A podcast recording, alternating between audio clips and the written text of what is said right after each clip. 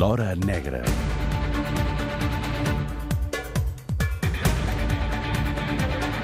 Maica Navarro, bon dia i bona hora. Ai, que m'agrada passar els caps de setmana a la teva vera. Mm, ho podríem allargar, això? Tant com vulguis. Avui m'he m'he fixat, eh, em sap molt greu que, que avui estiguem fent ràdio i no tele, perquè la gent hauria de veure les pestanyes de Maica Navarro avui. O sigui, què t'has fet? Jo, jo, no, jo no em veig amb cor d'explicar-ho, sisplau, Maica Navarro, què t'has fet avui a les pestanyes? No puc explicar-te secrets. De fet, és que no tinc secrets per tu.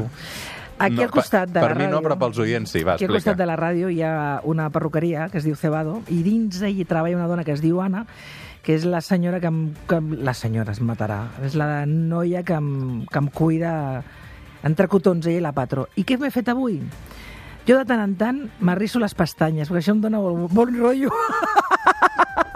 La Sílvia Copulo és contrària a arrisar-se les pestanyes. Perquè te l'has trobat abans i t'ho ha dit? Sí, me l'he Ah. trobat i, em di, i li, li dic, m'has vist algú raro? Diu, no, diu, pues que m'he risat les pestanyes. Ella és més d'allargar-se-les. Què dius, jo, jo ara? allargar no, jo risar. Estem entrant en un terreny pantanós. Uh, mira, avui um, parlem de pantans, també. Vinga. Um, et sembla que canviem de tema, Maica, perquè Sílvia Coppolo, tot això aquí s'està empantanegant una mica.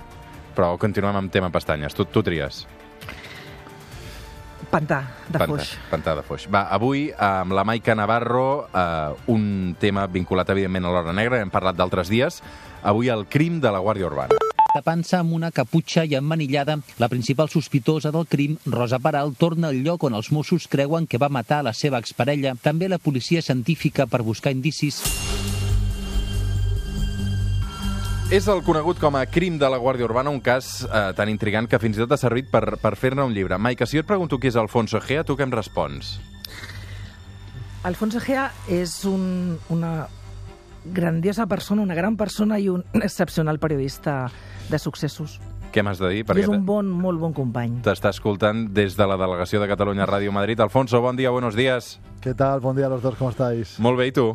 Muy bien, muy bien, muy contento de estar aquí, muchas gracias. Crim de la Guàrdia Urbana. Tot això ha servit per escriure un llibre que tinc aquí a les meves mans, eh, 29 bales i una nota d'amor. Um, ho tenies clar que això s'havia de traduir en un llibre, eh?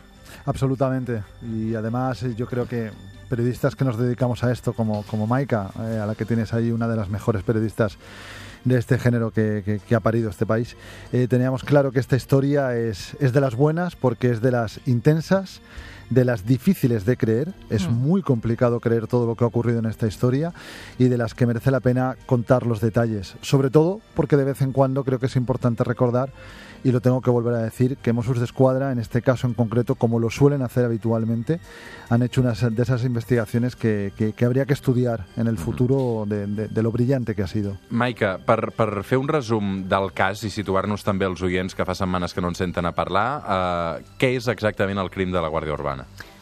Doncs el, el crim de la Guàrdia Urbana és un, un triangle en el que el, els tres protagonistes són policies locals, són guàrdies urbans de Barcelona, i en el que hi ha una víctima, que és el, el Pedro, un guàrdia urbà que en aquell moment tenia una relació sentimental amb la, amb la Rosa Peral, però que a més a més simultanejava amb un altre guàrdia urbà, que era l'Albert López, i amb altres i amb altres persones de, del seu entorn. Doncs bé, el Pedro Rodríguez és assassinat i finalment doncs, es troba el seu cadàver que han intentat fer desfer cremant-ho a l'interior del cotxe de la víctima i els dos eh, coautors, de moment, que això és, és el que s'entén, eh, estem a la falta de judici, però segons els investigadors, els dos coautors del crim el que fan és d'assassinar-lo i de fer-se el cadàver i intentar fer una coartada involucrant intentant involucrar el pare de les nenes de la, de la Rosa Peral, que a més a més és mosso d'esquadra. Tot això surt malament i en aquests moments d'aquest aquest triangle, els dos que queden estarà a la presó i un s'acusa l'altre amb, amb arguments bastant peregrins d'haver assassinat el, el Pedro. És un cas d'aquests que, que costa de creure, sobretot perquè hi ha un, hi ha un personatge principal en, aquesta, en aquest relat, que és la Rosa Peral, ella, que té uns ingredients absolutament fascinants amb, per, amb respecte, amb tot el respecte possible per, pels parents i els coneguts de, de la víctima. Mm -hmm. Alfonso, eh, al llibre tu comences, eh, per l'inici, evidentment, uns excursionistes troben un cotxe totalment cremat, no? Absolutamente. Y además estaba escuchando el final de, de la explicación de, de Maika, vaya por delante que aquí hay una víctima mortal, que es, que es Pedro y, y- y toda su familia.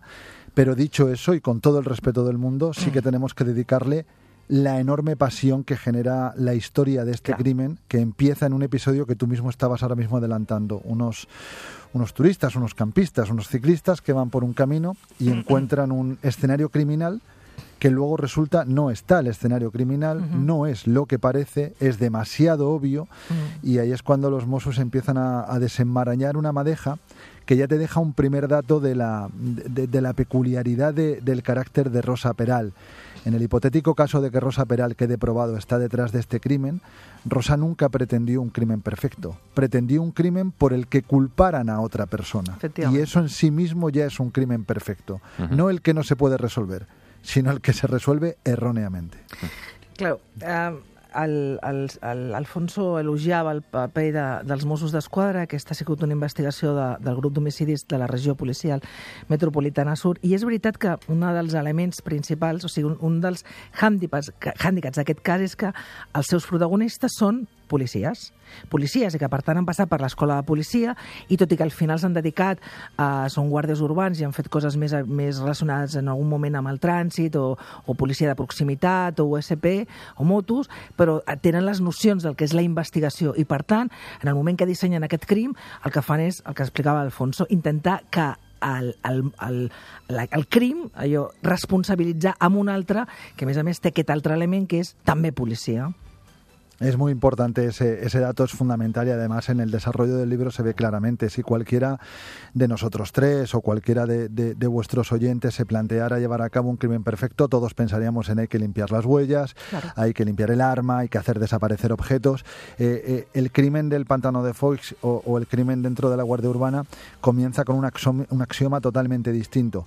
No tenemos que hacer desaparecer nada, solo tenemos que intentar que todo lo que va a encontrarse Mossos de Escuadra les lleve en una dirección totalmente errónea. Y es muy curioso porque es la propia Rosa, independientemente de que se haya da culpable o no, la que trata desde el principio de dirigir la investigación. En su primer interrogatorio, que es lo que apuntaba Maika, nadie le pregunta directamente por ningún sospechoso y ella ya pone sobre la mesa a Rubén, su exmarido, el padre de sus hijas, el mozo de escuadra al que le quiere eh, hacer sospechoso principal. Uh, qui és aquesta Rosa Peral? Evidentment és la gran protagonista de- d'aquest llibre. Com és aquesta Rosa Peral? Has aconseguit entendre el personatge, tu, Alfonso?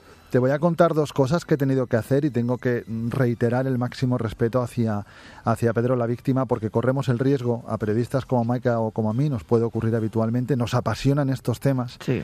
y a mí hablar de Rosa Peral me apasiona. Me apasiona ella, ella es una persona que me resulta tremendamente seductora, una persona muy peligrosa en, en el sentido en el que puede hacerte perder el sentido tanto físico como emocional y me autoimpuse un ejercicio a la hora de escribir este libro. No quise tener ningún contacto ni con Rosa, ni con Albert, ni con la familia de Pedro. Creía que era la única manera de mantener la objetividad intacta, porque me consta que ha habido personas que se han intentado aproximar a Rosa, lo han hecho y Rosa se ha hecho con ellos. Eh, es, es tan seductora que, que da hasta un poco de reparo intentar contactar con ella. Hasta que no terminé el libro, no decidí ponerme en contacto con ella. Le escribí una carta a prisión. A día de hoy no he tenido respuesta, pero creo que, que explicarte esto es bueno para que te hagas una idea del tremendo respeto que me impone esta mujer cuando has visto toda la investigación y ves de lo que es capaz de hacer con, con- con que se ponga en su camino. Amb aquesta reflexió de l'Alfonso afegiré una altra dada que, que acaba de... perquè la gent pugui... Es, o sigui, es una idea de, del que està parlant i, i, i, i com és de real. En els, en els diferents moments en què durant la investigació a la Rosa i a l'Albert els treien de la presó i els portaven a l'escenari del crim, que és la casa, la casa en la que compartien, la, que era de la Rosa que en els últims mesos convivia amb el Pedro Rodríguez, amb la víctima, i que per als Mossos no hi ha cap dubte que és l'escenari del crim, la part de sota, doncs bé, en algunes de les reconstruccions que es van fer i en últim moment també recorda que es van aparèixer unes fotografies en el seu mòbil quan van aconseguir recuperar l'interior de, del mòbil i hi havia un sofà que havia desaparegut i una, i una paret repintada a la que es va trobar es bus- es buscava restes de sant, doncs bé, en aquestes reconstruccions els responsables de la investigació els comandaments van haver de prohibir, prohibir els Mossos d'Esquadra, els de patrulles de Seguretat Ciutadana que estaven allà custodiant a la Rosa durant els escorcolls i fins i tot els, determinats investigadors van haver de prohibir acostar-se i parlar amb ella perquè cada cop que això passava, al tornar després en el dia a dia, hi havia discussions i, i, i- era com, com... O sigui, la gent es feia preguntes, però esteu segurs? Però això, i estem parlant de potser dues hores, tres hores, és a dir, quan llegeixes el sumari, i evidentment no cal sumari, si quan llegeixes el, el llibre d'Alfonso, o sigui, et retrata molt i molt, molt bé aquesta capacitat de seducció de tothom. Jo i, i hi ha una cosa que vull deixar molt clar. El tema de la Rosa, jo mai, i és veritat que jo he parlat molt, i jo crec que en el llibre de, de, de l'Alfonso també reflexa molt bé, jo mai he qüestionat el fet de que la, de la, que la Rosa Peral hagi pogut mantenir una, dos, tres, vint o 50 relacions Correcte. sentimentals o sexuals amb qui ha volgut, perquè l'altra persona ha sigut eh, lliure de, de, de mantenir-la. O sigui, jo no qüestiono en cap moment la seva capacitat de mantenir en paral·lel diferents relacions. Aquest no és el tema.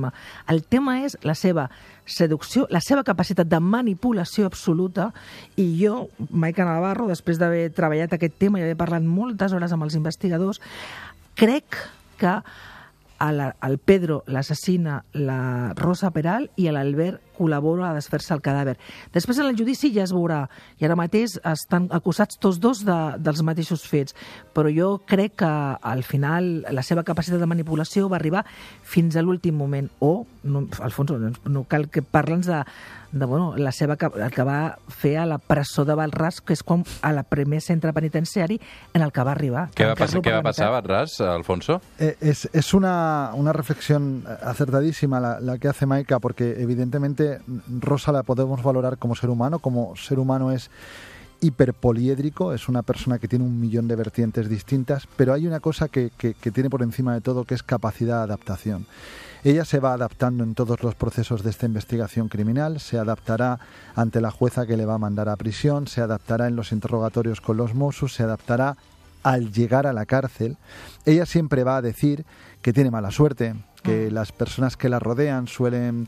De hecho, hay un pasaje interesante, o a mí al menos me lo parece, en el libro en el que ella llega a reflexionar sobre lo difícil que es ser mujer policía. Efectivamente. en y el guapa. cuerpo de la y, y guapa en el cuerpo de la Guardia Urbana. Todo va como en contra de ella. Es una reflexión tonta porque Maika conoce igual que yo a muchísimas mujeres dentro de cuerpos policiales. Y no es verdad lo que dice Rosa. Rosa se busca problemas y le pasó en Guatras entró en una prisión donde mm, el, el equilibrio en las prisiones es delicado. Hay unas jerarquías hay unas eh, conductas de comportamiento y, Rosa las rompía todas. Rosa revolucionó literalmente la prisión de Guatras tanto fue así que de aquella prisión Rosa sale como sospechosa de haber intentado contratar a un sicario para acabar con la vida de su primer marido. No se pudo demostrar, pero salió con aquella acusación. De allí sale Rosa con eh, un testimonio de una presa que cuenta detalles acerca de la muerte de Pedro Rodríguez que difícilmente podría saber si no se los contó Rosa. Bueno, sea como fuere, tuvo que llegar la directora de Guatras y decir, es que me va a descabalgar esta prisión, es que no la puedo tener aquí más tiempo.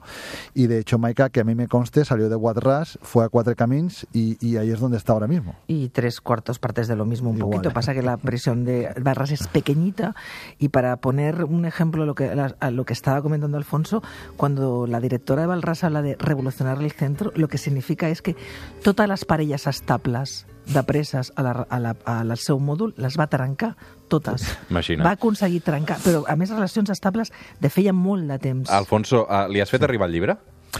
No, eh, le he hecho llegar mi, mi carta. eh. Como os decía al principio, no hablé con nadie relacionado con el crimen. A José, al hermano del Pedro Rodríguez, sí que decidí mandarle un ejemplar.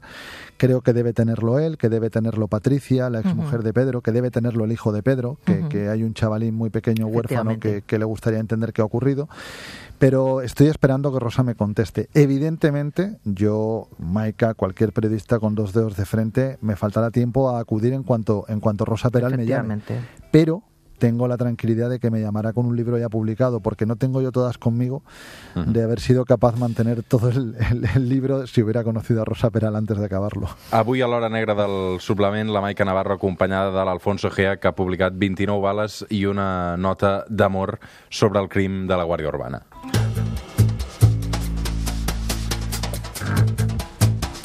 I és que el crim de la Guàrdia Urbana és només una del miler d'històries d'assassinats que són un material per fer-ne llibres. De fet, l'editorial que publica aquest llibre de l'Alfonso Gea, al revés editorial, ha posat en marxa ja una col·lecció de no ficció sobre crims reals. De fet, a aquesta hora podem saludar la seva directora, la Marta Robles. Bon dia. Hola, buenos días. Què tal, com estàs, Marta? Pues muy bien, encantada de saludaros sin voz, pero aparte de eso, encantada de estar con vosotros. Uh, Maica, per què aquests uh, llibres sobre crims reals uh, enganxen i generen uh, tant interès? Tu que precisament fa una pila d'anys que et dediques a la, a la crònica negra uh, i la Marta també li dona sortida. Doncs, no sé, la, la Marta, a més a més, que és, que és escriptora de novel·la negra, jo em dedico més a, a, a, a, retras, allò, a, re, a reproduir i a dibuixar la, la realitat, però jo creo, no sé, Marta, si estàs conmigo, però jo creo que és porque es la vida, es la parte esa oscura de la vida que, que engancha de sobremanera. O sea, yo creo que los redactores de sucesos y la novela negra te muestra, tienes delante de sí un... O sea, es, es, es, es, es eso que es capaz de hacer el, el ser humano en, en, toda su amplitud y eso, eso tiene una fuerza, de, una fuerza arrolladora que a poco que lo cuentes bien, pues es una maravilla. Bueno, yo creo, yo, yo, yo siempre he pensado que a, que a los seres humanos nos interesa mucho la maldad por varias razones. La primera porque la tememos, nos aterra pensar sobre todo que las personas de nuestro entorno, las que son muy normales, ese hombre que acaricia a su perro y que es buenísimo con su hijo, de pronto puede llevar dentro de sí un monstruo que puede salir en cualquier momento. Y nos aterra porque también pensamos que es posible que ese monstruo esté dentro de nosotros mismos. Y yo además creo que es verdad, que nosotros todos llevamos dentro un héroe y un villano. No podemos pensar que el mal por sí mismo existe. Y lo cierto sí. es que yo creo que sí. Efectivamente. Uh -huh. uh, Marta, fins i tot has aconseguit convèncer la Maica Navarro que, uh, de fet, la setmana passada aquí l'Hora Negra ens avançava que escriurà un llibre sobre el cas de, de l'Angie Molina. No sé si confies que te l'entregarà temps, perquè la Maica a vegades és despistada. Yo, conf yo confío total y absolutamente en, en, todos los autores de esta mm. colección y muchísimo en Maica Navarro y, y, me alegra que tenga suerte. enormemente.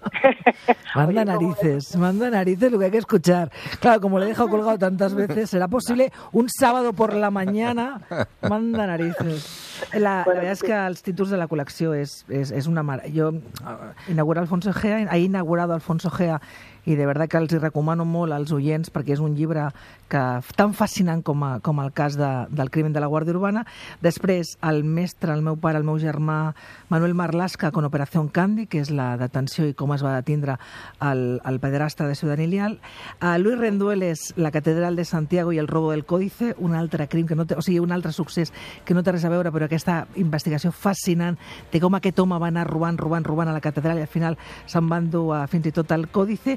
Y después, en octubre del 19, servidora. El mejor, llega el mejor.